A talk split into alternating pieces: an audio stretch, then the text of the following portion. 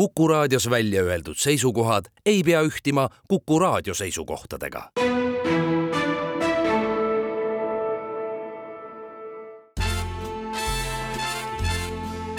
daamid ja härrad, filmigurmaanid, te kuulate Filmikägu filmikäole lisab pildi Apollo kino. Elu nagu filmis kena reede õhtut, head Kuku raadio kuulajad. filmikägu saade alustab, Lauri Kaare ja Kristjan Kold on taas stuudios. tere õhtust, vabariigi aastapäeva eelõhtul eetrisse minev saade kannab järjekorranumbrit kolmsada viiskümmend kaks. täna on kahekümne kolmas veebruar kaks tuhat kakskümmend neli. ja külla tuleb meil täna Alika Miilova, sellepärast et kinno jõuab selline dokumentaalfilm nagu Sillad Liverpooli ja nimi viitab äh, Eurovisiooni lauluvõistlusele eelmisel aastal. kus Sillad käis ja Bridges loo ehk siis lugu ja, ja, ja tõesti jälgisid ähm, dokumentalistid ähm, Aalika Eesti Laulu võitu, sealt edasi liikumist juba Liverpooli, tema seal olemist, ettevalmistust, tema perekonda samal ajal, nii et me räägime sellest Aalikaga saate teises osas no,. siia sinna hulka tagasivaated kodusest mm -hmm. videoriiulist, kui ikkagi näete üheksa aastast Aalikat laval üleni mustas Nasareti no, pungestamas, see on ikka väga muljetavaldav. Love hurts, väga kihvt, Aalika on meil külas juba varsti. enne vaatame loomulikult üle, mida käisid eh, inimesed eh, Eestis eh, kinodes vaatamas. seitsmendal kohal midagi kleepuvat ja kollast ehk siis Mesi, ehk siis Jason Statham ehk siis mesinik, The Beekeeper, mis jõudis ju kinno juba rohkem kui kuu aega tagasi mm, -hmm. see oli kaksteist jaanuar. kuus nädalat on ta olnud igal juhul tabelis. kaheksasada üheksakümmend kuus vaatajat nädalavahetusel ja kokku on Jason Stathami fännklubi suuruseks selle filmi põhjal kakskümmend seitse tuhat nelisada kakskümmend. film, mis on natukene vähem kogunud vaatajaid, aga mis on koha võrra eespool, aga mis tuli mesinikuga täpselt samal nädalal kinno, on Vaesekesed on kuuendal kohal, Poor Things, Jorgos Lantimose viimane film. kui me uudistesse jõuame, siis me ilmselt jõuame rääkida Jorgos Lantimose järgmisest tulevasest filmist, kus ka ilmselt Emma Stone on peaosa tegemas. ja film, millest ei vaadanud sugugi ka uhked britid mööda nädalavahetusel, jagades oma Oscareid ehk BAFTA auhindu, sellepärast et muuhulgas näiteks Emma Stone võttis parima naisnäitleja preemia. Eestis nädalavahetusel käis vaesekesi kinos vaatamas tuhat kakskümmend üheksa inimest, kokku on siis käinud kinos vaatamas seda filmi kakskümmend tuhat nelisada kakskümmend kaks inimest. poolel, pool tuhat vaatajat praktiliselt rohkem on viienda koha filmil Pardid ehk Migration, tuhat viissada üheksakümmend viis suurt ja väikest animatsioonisõpra ja kokku kolmkümmend kuus tuhat nelisada seitse õnnelikku piletiostjat ja nüüd, tantarada, kõik on uued filmid siit edasi, kõik on, mis tulid eelmisel nädalal kinno. neljandal kohal Väikesed superlennukid, kool on täiskiirusel, punkt film. kaks tuhat ükssada kakskümmend kaks vaatajat avanädalavahetusel Emma ja Must Jaaguar ehk siis jät-, jätkates eestikeelse kogupere meelelahutusega prantslaste küll siis mängufilm nagu pealkiri ütleb, Emmast ja Mustast Jaaguarist vaatajaid nädalavahetusel kaks tuhat ükssada üheksakümmend kuus teisel kohal Bob Marley elust rääkiv film, võttes aluseks siis ühe väikese peatüki, no Bob, mõned aastad. Bob Marley elu ühest lõigust. jaa, Bob Marley One Love, kaks tuhat kolmsada kaksteist vaatajat avanädalavahetusel. mis tähendab seda, et arvestades, millised külalised meil on käinud siin paar viimast saadet, et kõik teavad, et välja tuli uus Eesti film Tammsaare ekraniseering Elu ja armastus ja selle avapaugu suuruseks on siis neliteist tuhat kaheksasada viiskümmend viis vaatajat. ja see muidugi peab ütlema, on väga polsterdatud, sest need algasid juba esmaspäevast no,, mitte ei ole ainult nädalavahetus. seda küll, et nii nagu animatsioonide puhul, nii ka reeglina mm -hmm. Eesti filmide puhul, et no sellepärast ma ei öelnudki, ma ütlesin avapauk, ma ei öelnud avanädalavahetus. Äh, selline oli kodumaine. see oli kodumaine tabel kuueteistkümnendast kuni kaheksateistkümnenda veebruarini aastal kaks tuhat kakskümmend neli. liigume edasi uudiste juurde ja kuna meil Bob Marley film on kinos, muusikafilmid või ütleme siis muusikutest rääkivad eluloofilmid on äärmiselt populaarsed siis äh, tuleme ühe korraliku pommuudise juurde. Sam Mendes on üritamas teha midagi, mida ma ei mäleta, et oleks varem ükski lavastaja üritanud teha. Äh, aastal kaks tuhat kakskümmend seitse saate te kinos aasta jooksul neli erinevat Beatlesite filmi, igaüks jutustatud siis ühest, äh, ühest Beatli vaatevinklist. ehk siis üks tuleb Ringost, üks tuleb Paulist, üks tuleb Johnist ja üks tuleb George'ist ja kõik need filmid lavastab Sam Mendes, kõik Beatlesite elus olevad liikmed ja need, kes enam ei ole elus, nende pereliikmed on õnnistuse andnud sellele projektile. Sony on siis see, kes on stuudiona selle taga ühtegi äh, näitlejat ei ole veel välja hõigatud, nii et see saab olema, ma arvan, nüüd selline Hollywoodi uus suur kuum projekt, kus iga näitleja, kes võiks olla, huvitav ongi see, et mis see sobiv vanus võiks olla, sest mina ei lugenud sellest uudisest välja, millisele perioodile see keskendub. no ilmselt võetakse ikkagi äh, Liverpooli no noorukid. võimalik. ja et sellised tundmatud tegelased, näitlejad ma mõtlen siis. nojah, aga et siis sa saad Äh, Krimmiga kui tahes pikaks selle välja venitada, et ikkagi Saksamaale ja Ameerikasse ja et, äh, saab näha ja, aga see iseenesest see kõlab nii absurdse jaa, sest need, me, need peaks olema omavahel veel põimuvad, peaks olema ju. Noh, sellepärast, et kui sa ei taha kattuvust, siis sa teed lapsepõlve kuni selle hetkeni, kuni nad kohtuvad. et, et kõik filmid viivad välja samasse punkti. aga võib-olla tänu sellele ongi lihtsam teha, et muidu oleks neli filmi tee aastal kaks tuhat kakskümmend seitse juba kinno see tähendab kolme aastaga neli filmi, no see on ikka päris korralik ettevõtmine. see kõlab tegelikult ikkagi pigem, äh, olgem ausad, voogedastusprojektina. no ma ei saa, ma ei, mõne võtab kokutama kohe e,. ikka kinno, ei ole kuskil olnud ei, juttu sellest, et see no, voogedastus peaks olema.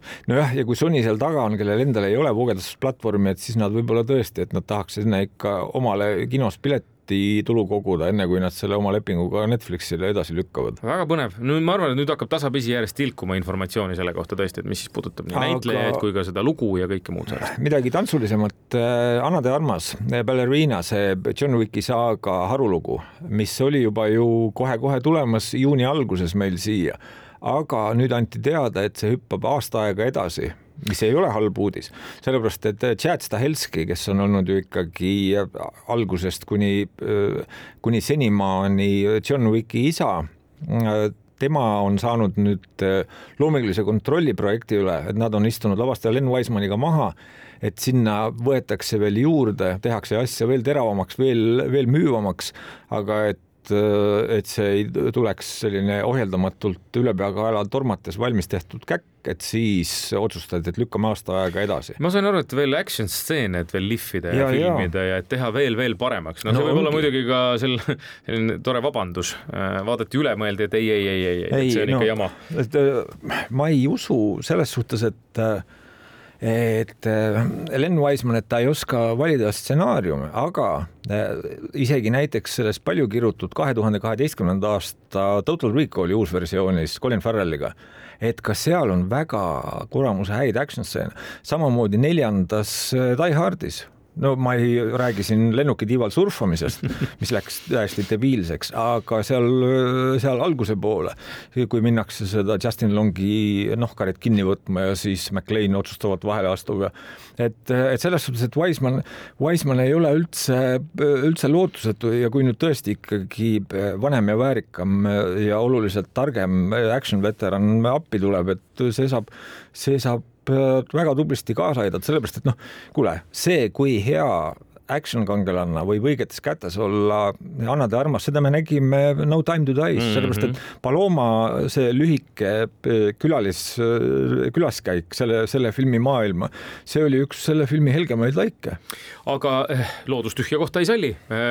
ootamatult kukub sellesse kohta ronk, vares, ei, ronk.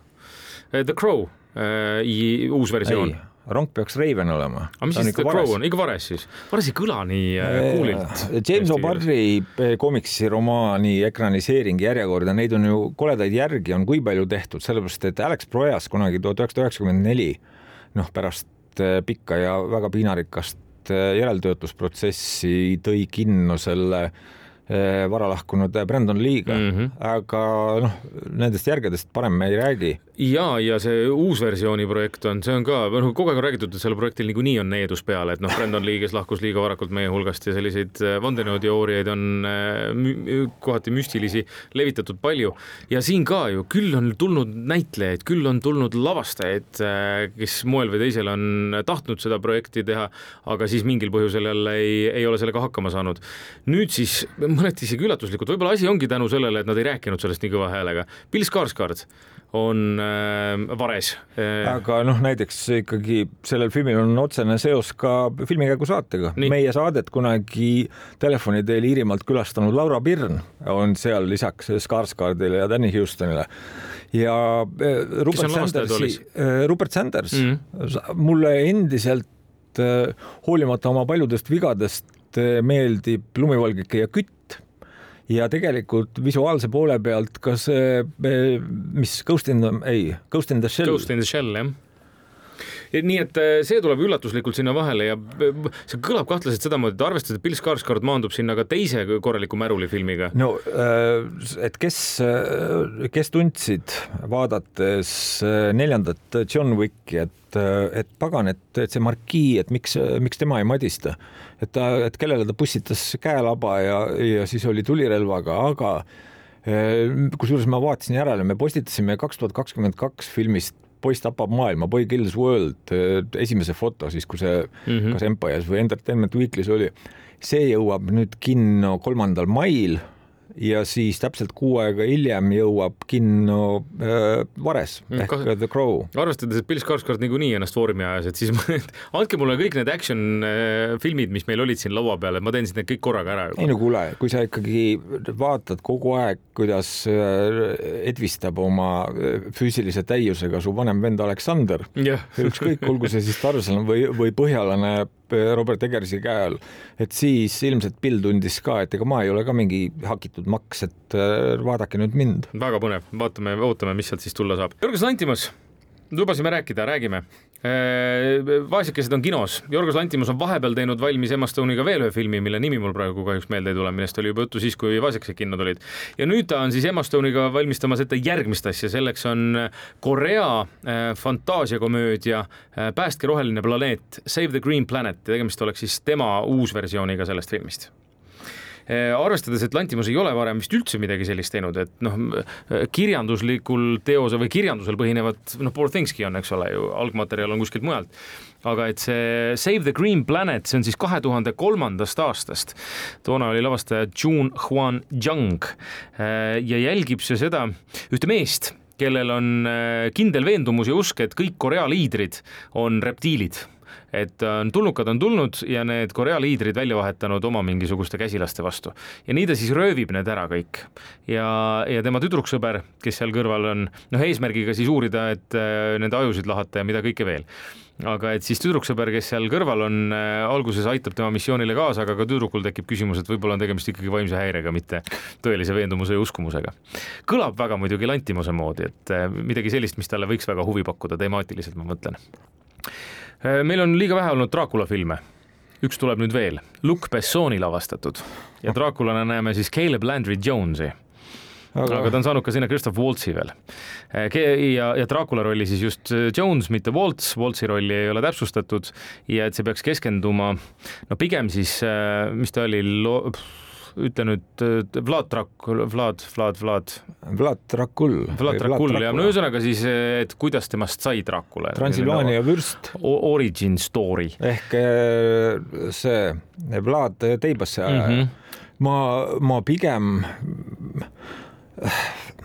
Luc Besson on kahjuks oma aktsiad nii maha mänginud, eriti viimati peale Valeriani, kas see Anna oli ka tema oma, see väga ja, halb äh, modell superagendiks film? äkki oli, aga tema Dogman, millest oli juba pikalt ja mis linastus Cannes'is, Berliinis eelmisel aastal või kus see oli, äh, ja siiamaani on kadunud kuhugi.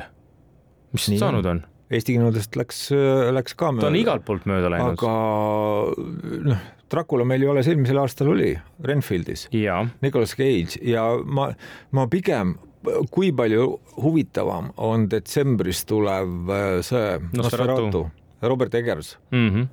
aga oota, ega seal ometi Bill Skarsgård ei olnud? oli küll oli küll. ja, ja Nicolas Hoult, kes ühtlasi oli ka Renfieldis. just, ja lõpetades võib-olla jällegi äh, muusikaliste filmidega või muusikutest rääkivate filmidega, siis äh, Bee Gees'i film, mäletad, me oleme sellest ka minu arust rääkinud vähemalt viies erinevas versioonis.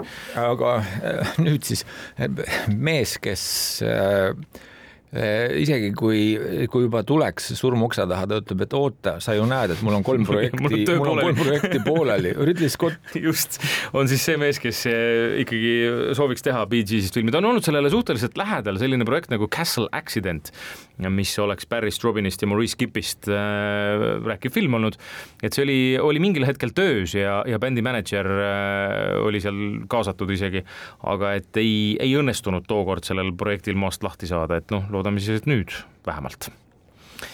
nüüd on vist kõik meil uudistega no tegelikult uudiseid on veel, aga ärme siin priiska, pealegi seda ei juhtu iga päev, et meil Eesti Laulu võitja, Eurovisiooni veteran, veel ikkagi selline pesueht superstaar külla tuleb, et lähme parem esikusse ja laseme Aalika tuppa.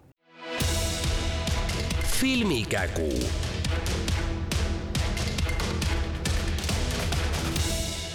filmikägu. filmikägu saatel on väga hea meel tervitada stuudios nüüd sellenädalast külalist ja, ja sel nädalal jõuab eh, kinno eh, üks uus kodumaine dokumentaalfilm, mille pealkiri on Sillad Liverpooli. ja tegelikult seal pealkirjas peitub juba päris mitu vihjet, millest see dokumentaalfilm on. Eh, see on Eurovisioonist, sest Liverpool Liverpoolis toimus eelmisel aastal Eurovisioon ja Sillad viitab loomulikult Aalika loole Bridges, millega Aalika Eestit esindas ja Aalika on meil täna ka külas. jah, tere, tere. Aalika, mis hetkel tuli lavastaja Eh, või, või noh, selle filmi taga olev projektijuht Mihhail Valtvoogel sinu juurde, et eh, kuule, ma tahan teha tegelikult dokki sust? no meie oleme tutvunud äh, Mihhail Valtvoogeliga siis äh, juba tegelikult kaks tuhat kaheksateist aastal või isegi kaks tuhat seitseteist, mm. sest meil kunagi on olnud selline laulu siis võistlus, laulusaade, mille nimi oli Bravo, mis käis siis ETV Plussil, plussis ja siis äh, ja siis äh, ta oli seal peoprodutsent ja me hästi saime läbi ja siis äh, lõppude lõpuks noh, hoidsime ikka kontakti, aga pigem ei suhelnud ja siis ta kirjutas mulle minu meelest mingi kuu aega enne Eurovisiooni.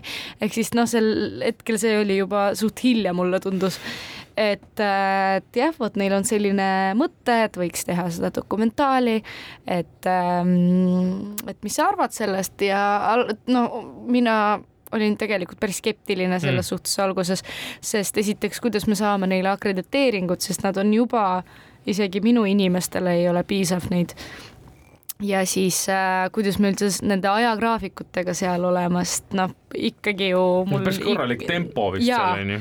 niikuinii on juba ja päris, päris palju pressi ja niikuinii äh, RRR ju ka filmib äh, kogu aeg mm -hmm. ehk siis lõppude lõpuks mulle kuidagi tundus, see on juba liiga ja alguses ma nii vastasingi talle suht külmalt, et no ma ei tea, et, et kuidas see üldse võimalik on. Ja siis nad äh, hoolitsesid äh, akrediteeringutest ja sellistest asjadest ise. Ja siis äh, jah, lõppude lõpuks ütlesid, et äh, meil on kõik korras, et saame teha. Mm. Et äh, kas sa oled nõus, mingi nojah. no,, siis teeme, kui, kui te juba lahendasite kõik välja, sest ma ise ei viitsinud sellega tegeleda.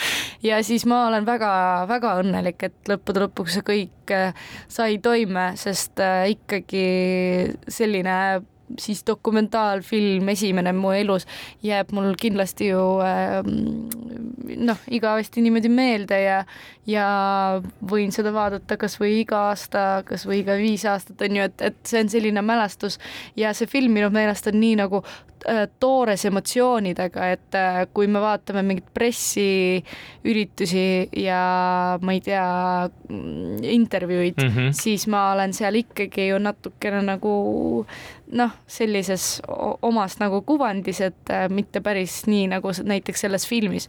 et selles filmis on hästi palju seda toores emotsiooni, et kui ma olen väsinud või vihane, siis ma olengi nendega, sest noh, see ongi ju dokumentaal minust, et oleks päris nõme, kui ma käituks äh, hästi ähm, kuidagi äh, noh artistlikult mm -hmm. seal dokumentaalis. aga suutsid sa ära unustada, et sul on kaamera kõrval või see ikkagi kuidagi kogu aeg oli see teadmine olemas, et keegi filmib kuskil? No sa ikkagi tead, et sind filmitakse, aga lõppude lõpuks, kas sa paned seda tähele mingi hetk, siis pigem isegi ei pannud juba, et äh, nad jõudsid Äh, siis Liverpooli neljandal või ei, minu meelest isegi hiljem. Nad jõudsid sinna sel päeval, kui oli see türkiiskarped mm. -hmm. ja siis äh, jõudsid sinna tuppa, kus ka Jadriisa mind meikis ja siis hakkasidki tulistama küsimusi kohe ja siis äh, mul oli korraks ja esiteks, kuna kuna ma rääkisin seal enamasti ju eesti keeles ja inglise keeles, siis veel vene keel juurde, siis mõnikord see ikkagi. päris korralik. ja no seal filmis tegelikult mõningad fraasid on sellised, et et ma kunagi elu sees niimoodi ei räägiks, kui samal ajal ma ei peaks rääkima inglise ja eesti keeles ka. ehk siis äh, see oli, see, see oli selles suhtes päris väljakutseline selle filmi puhul rääkida no, vene keeles. ei imesta, et arvestades, et sul oli ilmselt ju no nagu filmist saab ka aru, et täiesti haige meediakarussell, mis oli, aga lisaks sellele nüüd oli veel siis selline behind the, behind the scenes kaamera ka, kes, kes jõudis nii palju rohkemani, sellepärast et et eh, ma ei mäleta ühestki ERR-i saatelõigust, et oleks sinu eh, vigastatud varbast räägitud või noh, just need, need momendid, nagu sa ütled, et, et väsinud no,. ma tahan kas... süüa lõpuks ometi. oli. kogu aeg tühi. ma tahan, ma tahan burgerit. jälle ei söönud, jälle ei söönud. minule kui burgerihoolikule see oli nii armas koht, et ma tahaks nüüd ikkagi tõesti burgerit ja friikaid ja aga et kas, kas millalgi tekkis selline tunne ka, et ma nüüd, et palun nüüd ma lähen nüüd vannituppa, ma panen ukse lukku ja ma tahan olla, et, et vahepeal ei ole mitte ühtegi objektiiviga seadet minuga samas ruumis. no kindlasti jah, sellised hetked on olnud, aga kuna me Mihhailiga alati saime üksteisega väga hästi läbi, siis äh, kui ta tuli sinna Liverpooli, siis tegelikult temaga oli nii mugav teha seda tööd, et äh, ta jah, nagu teda tõesti nagu kotis, mis, mis minuga toimub, mitte ainult sel puhul, et mis bookmaker'id räägivad ja kuidas mul tuju enne esinemist on ja kuidas ma närviga hakkama saan, on ju, aga just mhm. sellised küsimused ongi, iga päev küsis, et kuidas mu varvas elab ja kas sa oled söönud ja ja ma ei tea, meeldib sulle valge või punane vein, et sellised nagu küsimused, mis äh, ei olnud nagu kogu aeg ühed ja samad. Äh, ja siis pluss meie temaga jah, kuidagi hästi sobisime kokku koostöö puhul, et, äh, et tegelikult mõnikord oli isegi see, et, et kui pärast kõiki neid pressiüritusi tuli veel üks juurde, see noh, dokumentaalfilmi sisse siis äh, mingisugune intervjuu, siis mul mõnikord oli isegi hea meel korraks rääkida sellest, äh, mis nagu ausalt praegusel hetkel mul mhm. toimub mm -hmm. ja kui väsinud ma olen. et muidugi ma ei saanud ju seda öelda, ma ei tea, elu kahekümne neljale või mis iganes kellele. ei noh, selles mõttes saan, aga lihtsalt seal ma nagu hoidsin ennast natukene nagu tagasi alati, aga siis äh, selles, kuna ma teadsin, et see on minu film, siis, siis ma olengi selline, nagu ma ma olengi. mis tundega sa vaatasid pärast, sest sina ju ei näinud seda, mida näiteks su isa ütles või kuidas ema ja õde kaasa yeah. elasid, et kuidas sa pärast sellele reageerisid? see oli, mõningad asjad olid päris naljakad mida nad on seal rääkinud, no nemad ju ka ei ole harjunud eriti niimoodi objektiivis olla ja isa oli ju seal samas äh, Liverpoolis mm -hmm. ehk siis äh, tal oli seda veel rohkemgi kui mu emal. emal oli ainult see poolfinaalipäev, sest äh, filmisid mu õe juures ja siis äh, oli näha jah, et noh isad olid päris naljakas näha seal rääkimas, sest ta ei ole väga selline inimene, kes nagu kogu aeg äh, räägib enda tunnetest. aga, aga ta oli väga avatud seal. ja just, just, et nagu see oli mulle huvitav, huvitav kuulda. ja ta oli suurepärane ennustaja, see, kui ta ütles, et noh, et ikkagi kuskil seitsmes-kaheksas koht ma pakuks mm. -hmm. ja see, kuidas see lõpus välja tuleb, et kui ja, ja. see oli tõesti. kogu aeg on nii ennustaja olnud? ja, meil on peres selline värk toimumas, mul on samamoodi natukene jah jah, mingit nõiakogukond meil on peres, et jah. Aga see, kuna sa alles hingasid pikalt sisse, ma küsin vahele, et kas see oli pigem hea, et ema jälgis kodust, et sul oli ainult isa kaasas, et noh, et muidu sa oleks pidanud nagu ema pärast ka muretsema või et sa oleks näinud ema vahetuid reaktsioone sealsamas Liverpoolis? no äh, ma lõppude lõpuks eriti väga palju mõtet selle sisse ei pannud, sest kui ta nagu otsustas olla kodus ja mitte minna Liverpoolisse, see on nagu tema valik.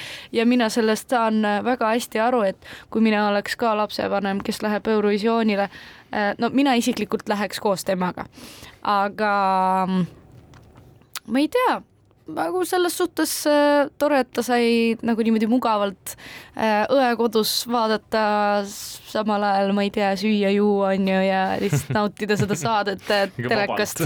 ja just, et, et see on tore, aga mul noh, ikkagi ma arvan, ideaalne stsenaarium oleks, kui ta ikka oleks seal ka kohal, aga ma mõistan küll, kui suur pinge see on vanemale olla seal, eriti kui su äh, ähm, siis äh, tütar ei ole bookmakerite favoriit mm, -hmm, on ju, millest mm -hmm. näiteks isa väga palju rääkis seal, mis minu meelest nagu tema puhul, minu meelest ta tegi seda, noh, see ei olnud õige asi, mida teha tema puhul, et äh, ma pärast ütlesin talle ka, et no milleks sa iga päev jälgis. aga ta jälgis kogu aeg, et kuidas see positsioon jälgis. muutub ja mida ennustatakse no, ja mis jah, koht ja. et, äh, et ma mõistan, et, et ta muidugi muretseb aga jah, mina isiklikult neid eriti ei vaadanud ja aga tal oli juba jah, ta mingi hetk, kui rääkis sellest, sa tundsid, kuidas nagu tema aju on sellega nagu ära võetud, et ta ei saagi millestki muust mõelda, kui need bookmakerite kohad, jah no aga samas ta ei lasknud ennast kihlveokontoritest häirida, sellepärast et oma südames ta teadis, et seitsmes või kaheksas koht. jah, jah, selles suhtes ka.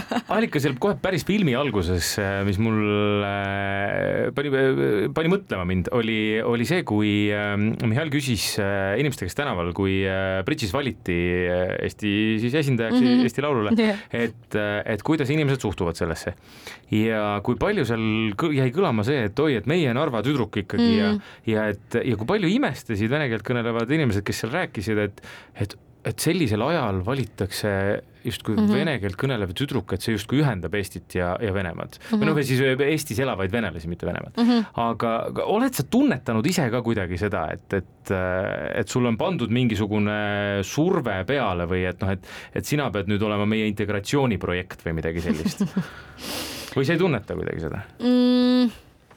Pigem äh, Eesti poolt seda ma ei tunne, aga ähm, isegi kui niimoodi mõningad mõtlevad, siis ma loodan, et nad äh, mõtlevad sellest kuidagi õigesti ja rohkem positiivses suunas. ei, aga see ongi, see, see ongi ju äh, väga positiivne minu meelest seal mm. -hmm. nojah jah, et selles suhtes äh, Eurovisioonil ikkagi olid need äh, erinevad küsimused ja muidugi inimesed, kes kirjutasid äh, mitte kõige paremaid asju, on ju, mhm. seoses mm -hmm. sellega, aga, aga jah, mul on hea meel, et ma saan oma kodulinna repre-, ehk siis äh, esindada. jah, esindada Eurovisioonil, mis on minu meelest hästi lahe ja no tundsid mul... sa narvakate tuge nii-öelda endal ka siis, jah? põhimõtteliselt jaa, sest äh, Narva inimesed on kindlasti väga toetavad ja ja toetasid mind äh, ka enne Eurovisiooni ja ka nüüd pärast, et alati on tore sinna tagasi tulla ja tunda seda armastust ja uhkust, ehk siis ehk siis jah, kui, kui nii ongi, siis ma loodan, et jah, see on positiivses võtmes teistel inimestel ka eh, mis on ka muidugi väga kihvtid selles dokis, on need eh, arhiivikaadrid nii-öelda, kui me mhm. näeme siin, no Lauriga just me siin eetriväliselt meenutasime, et eh, vana sa olid üheksane, kui sa, ei neliteist. ei, üheksa on, Nazaret on üheksa aastane Aalika. Nazareti Love Hurtsi laval laulad. see, kui vana sa olid siis, kui sind juba lavale pandi? No ma arvan, kui ma olin viis, see oli esimene kord, kui ma tulin lavale või neli. et äh, no aga see oli selline siis ansambli sees mm., palju äh, tähendab lapsi laval ja siis mingisugune, ma ei tea, kultuurimaja sünnipäev on ju ja siis lastelaulud ja. ja lastelaulud, et äh, aga ma mäletan küll siiamaani seda tunnet väga hästi et kohe, kui ma sinna lavale astusin, siis ma, mul ei olnud mingisugust hirmu selle vastu, nagu paljudel on, on ju, eriti mm -hmm. lapsepõlves. mul pigem oli see, et vot see ongi see koht, kus mind kuulatakse ongi, ongi see koht, kus mind nähtakse. ma olin jah, suur tähelepanufriik lapsepõlves ja siis ma arvan, et see, see elukutse, mis mul on, on äh, lihtsalt jah, ongi unistuste elukutse sellisele inimesele nagu mina. Aga rokk on olnud siis kogu aeg, ütleme, Nazaret ACDC, nagu su isagi ütleb seal, et, et on tema lemmikud, et see oli kodus üles kasvades, oli see muusika, mis kodus mängis palju? jaa, see mängis kogu aeg, et me pigem isegi kunagi, ma arvan, ei kuulanudki popmuusikat et äh, Justin Timberlake muidu oli äh, üks äh,, üks vähestest. Mis kodus kõlas? Äh, mitte kodus, autos jah, sest äh, mu õde oli väga suur tema fänn ja meil olid CD-d ja siis mulle ka tegelikult suht meeldis ta. Siiamaani meeldivad need äh, noh, varasemad albumid on ju, et äh, aga muidu jah, üheksakümmend viis protsenti muusikast olidki kasvõi siis äh, jah, mingisugused ACD-sid, Led Zeppelin, Nazaretid Queen äh,, Red Hot Chili Peppers The Hives mm. -hmm, mm -hmm. ühesõnaga kõik need võimalikud The White Stripes ja nii edasi ja siis oli ka Äh, teine pool siis äh, vene rokk, mis on siis mingi kaheksakümnendatest, et selline Kino, ja Mumitroll Kino ja. Agatha Christie ja, ja sellised vennad, ehk siis äh, jah, ma selle peale olen kasvanud ja ma olen suht nagu isegi õnnelik, et ma olen sellise muusika peal kasvanud, sest äh, ma ei tea, ei saaks kujutada ette ennast teistmoodi muidugi ka nüüd kas sul kordagi käis peast läbi ikkagi panna oma debüütalbumi nimeks, mis oli Piece of Peace? kas see oli laual mõnel hetkel? ei olnud ei olnud, kahju.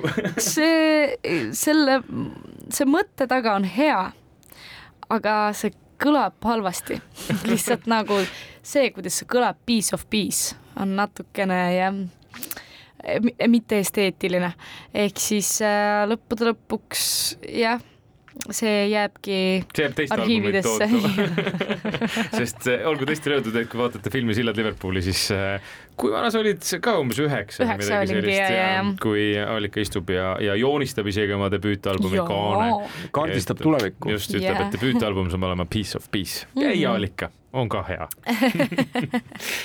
Allika, aitäh tulemast meile külla. Ja me ei jõu- jõua ära oodata, millal me näeme siis sind äh, äkki ikkagi ühel hetkel ka suurel ekraanil, mõnes Jaa. rollis näiteks. ja miks mitte, vaatame, aga aitäh teile. aitäh sulle. väga tore oli. filmikägu.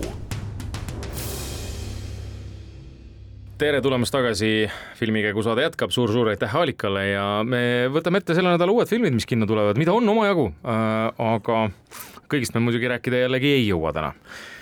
võib-olla nudimata versioonis, filmikäigu uncut versioonis jõuame rohkem, kindlasti eetriversioonis vähem, nii et tõmmake uncut alla, siis kuulete pikemalt. no aga tegelikult külaline just äh, lahkus, et äh, sillalt Liverpooli oleks täiesti loogiline äh, punkt, kust alustada. ja Mihhail Waldvogel on see mees, kes on lavastajaks märgitud sellel dokumentaalfilmil, mis siis Aalika Eesti Laulu võitu ja võidu järgset elu ja siis eelkõige siis seda, mis kõik toimus Liverpoolis, kui Aalika Eestit esindas eelmisel aastal Eurovisiooni lauluvõistlusel, toimus.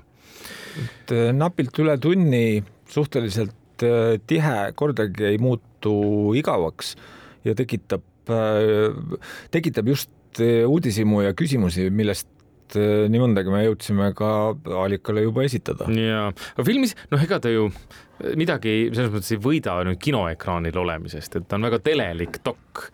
ja päris noh, ikka süvitsi selles mõttes annaks muidugi minna rohkem, kui see, see dok seda teeb.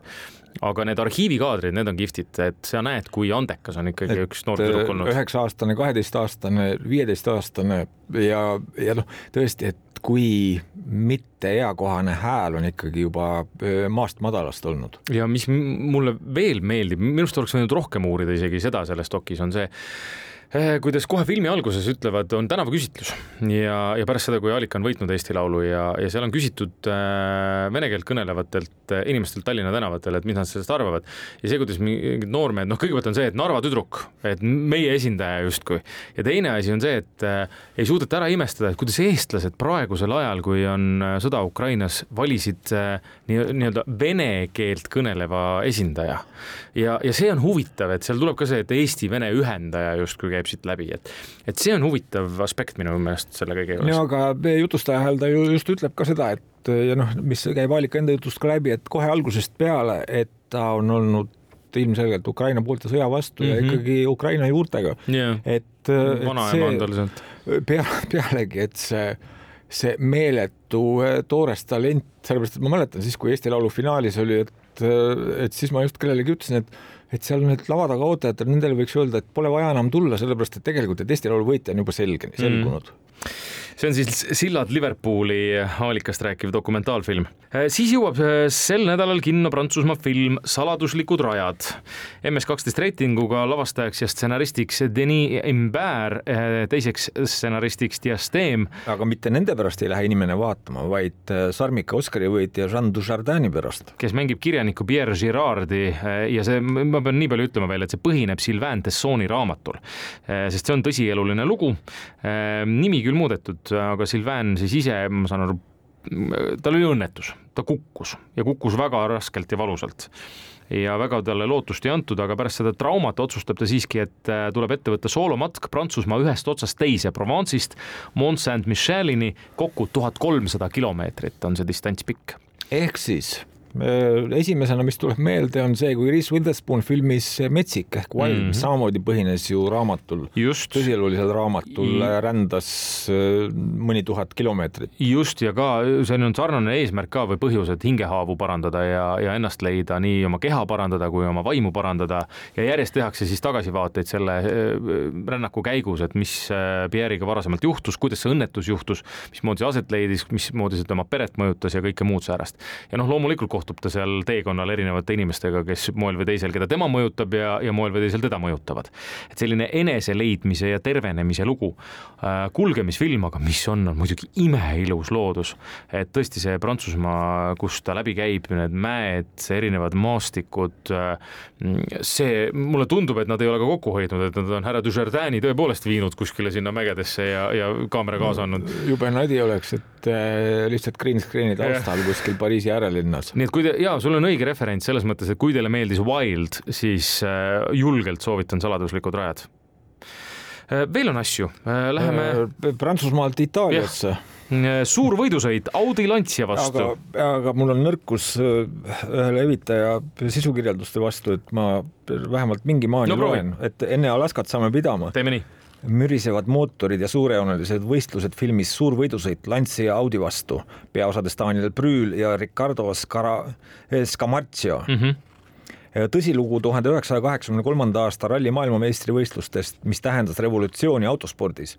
filmi Suur võidusõit Lancia Audi vastu suurepärane näitleja-ansambel aitab vaatajatel tunda sedasama adrenaliinitulva, mida nelikümmend üks aastat tagasi tundsid tõelise ralli pealtvaatajad viiekümne esimene Monte Carlo ralli osutus maailma kõige suurejoonelisemaks, võistluslikumaks ja ohtlikumaks spordisündmuseks mitte päris, ainult Monte Carlo ralli. päris jõuliselt seal on, on suu täis võetud. see oli kahe auahne firma, kahe filosoofia, kahe legendaarse titaani Audi ja Lancia jõuproov, roolis maailma parimad rallisõitjad. Kas räägime nii nagu päriselt tegelikult see film on? et äh, selles suhtes, et, et see on teatav edevusprojekt nagu, nagu üks, sellest me räägime telekavas, nagu üks väga halb Jennifer Lopez'i selline mm. egoprojekt.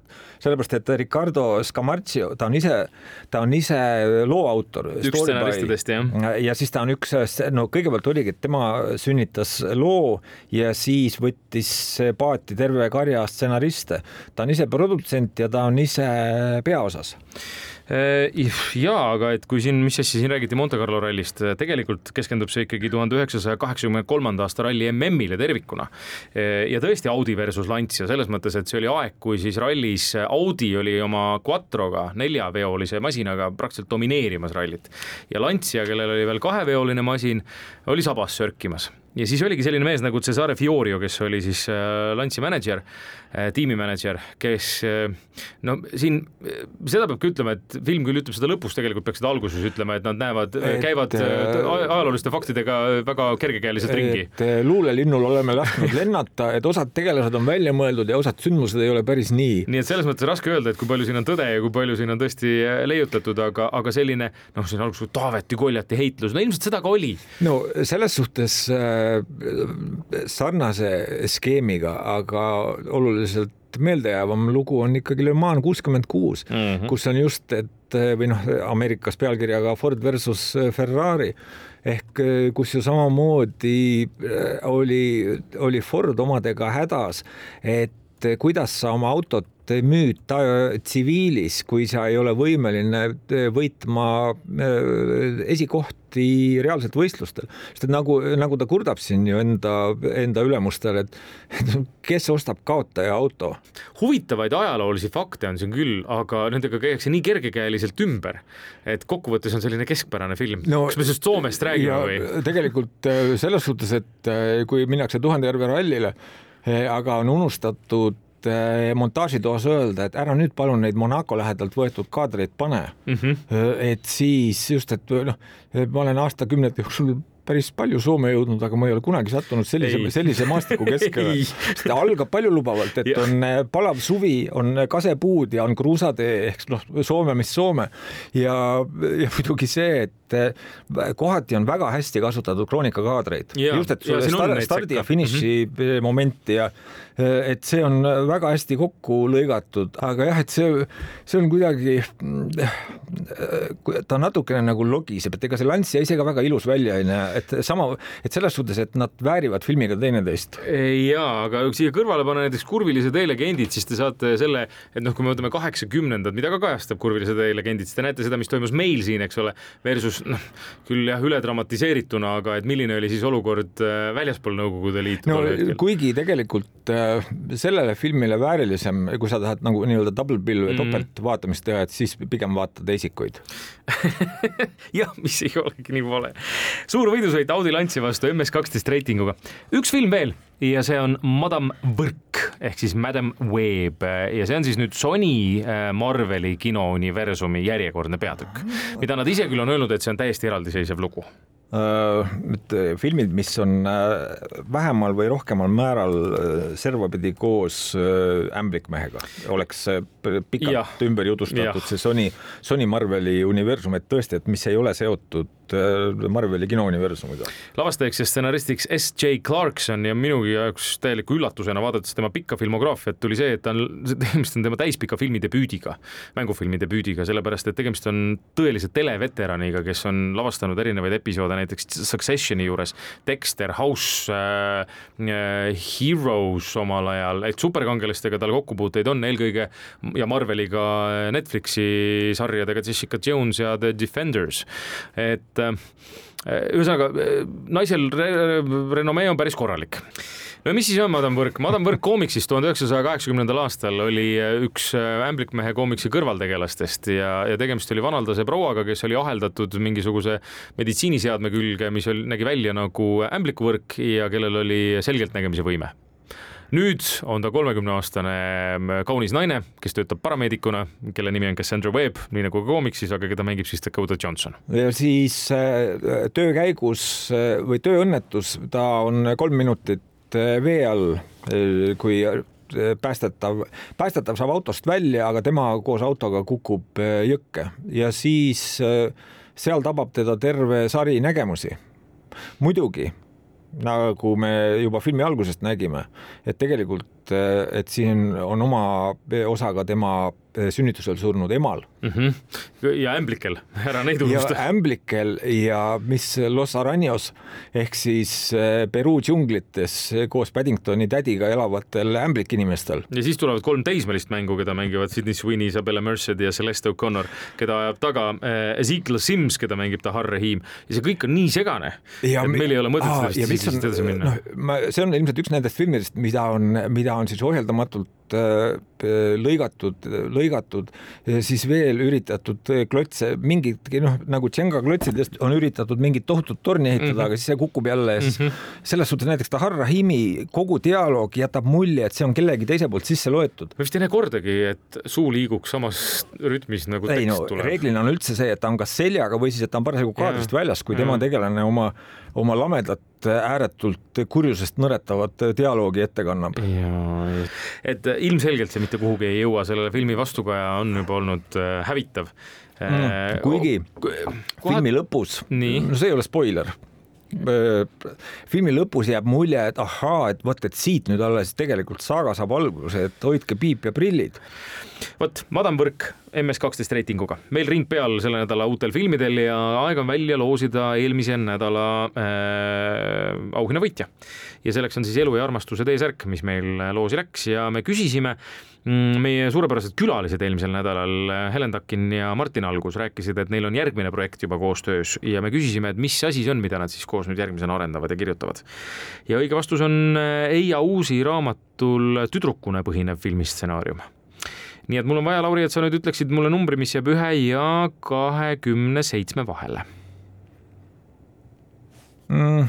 No lähme jälle selles suhtes tavapärast rada pidi täna, täna, kui te seda kuulate, on kahekümne kolmas, aga me salvestame kahekümne teisel ehk siis number kakskümmend kaks ja number kakskümmend kaks on Merje. palju õnne, Merje. Merje on kirjutanud siia tervitused filmikäigule, vastuse ja uus tüdrukune.